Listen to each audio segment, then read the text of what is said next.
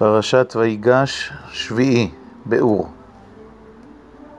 יוסף מנצל את שנות הרעב כדי לשנות מן היסוד את מבנה הכלכלה המצרית. מכלכלה שבה לכל אחד יש קרקע, לכל אחד יש נחלה.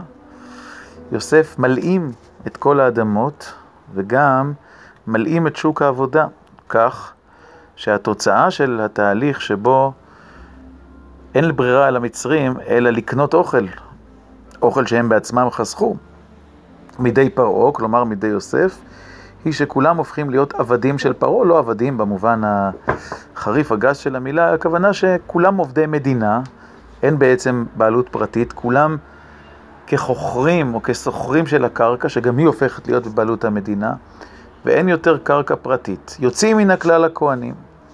כך התורה מספרת, הם באים ליוסף אחרי שכבר הכל נגמר, אין להם שום דבר לתת, למה נמות לעיניך? גם אנחנו, גם אדמתנו, ומבקשים ממנו, קנה אותנו ואת אדמתנו בלחם, ונהיה אנחנו ואדמתנו עבדים לפרעה, ותן זרע.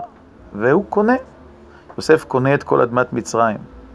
והוא מעביר את העם לערים מקצה גבול מצרים ועד קצהו. כלומר, הוא עושה החלפת אוכלוסיות, כך שאנשים מאבדים גם את הקשר הרגשי את הקשר הביוגרפי שלהם עם הקרקע שלהם. אין יותר אדם וקרקע. כולם עובדים אצל פרעה, כולם עובדי מדינה. יוצאים מן הכלל הכהנים, רק אדמת הכהנים לא קנה, כי חוק לכהנים מאת פרעה, ואכלו את חוקם אשר נתן להם פרעה, על כן לא מכרו את אדמתם, כי הם צריכים לקבל קצבה קבועה מאת פרעה, ולכן הם לא היו צריכים למכור את אדמתם, מפני שהיה להם אוכל.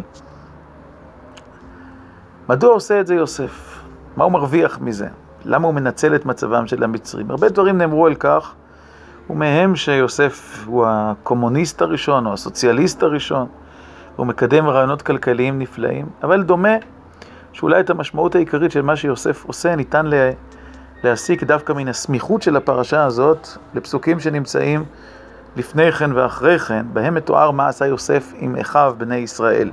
ויושב יוסף, אומרת התורה, את אביו ואת אחיו, ויתן להם אחוזה בארץ מצרים, במיטב הארץ בארץ רמסס. הוא מניח אותם בארץ הפוריה הטובה ביותר. מיטב הארץ בארץ רמסס, או כנראה ארץ גושן, שעליה מדובר קודם.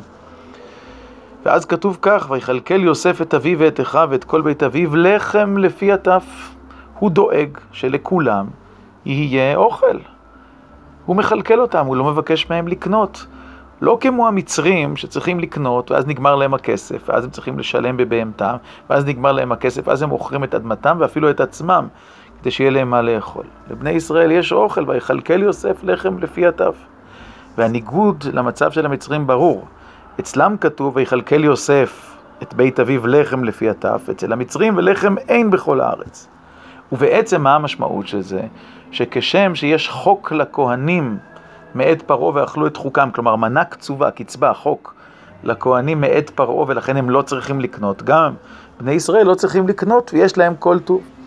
אבל ממילא שיש לזה עוד משמעות. מי היחידים במצרים שיש להם אדמה?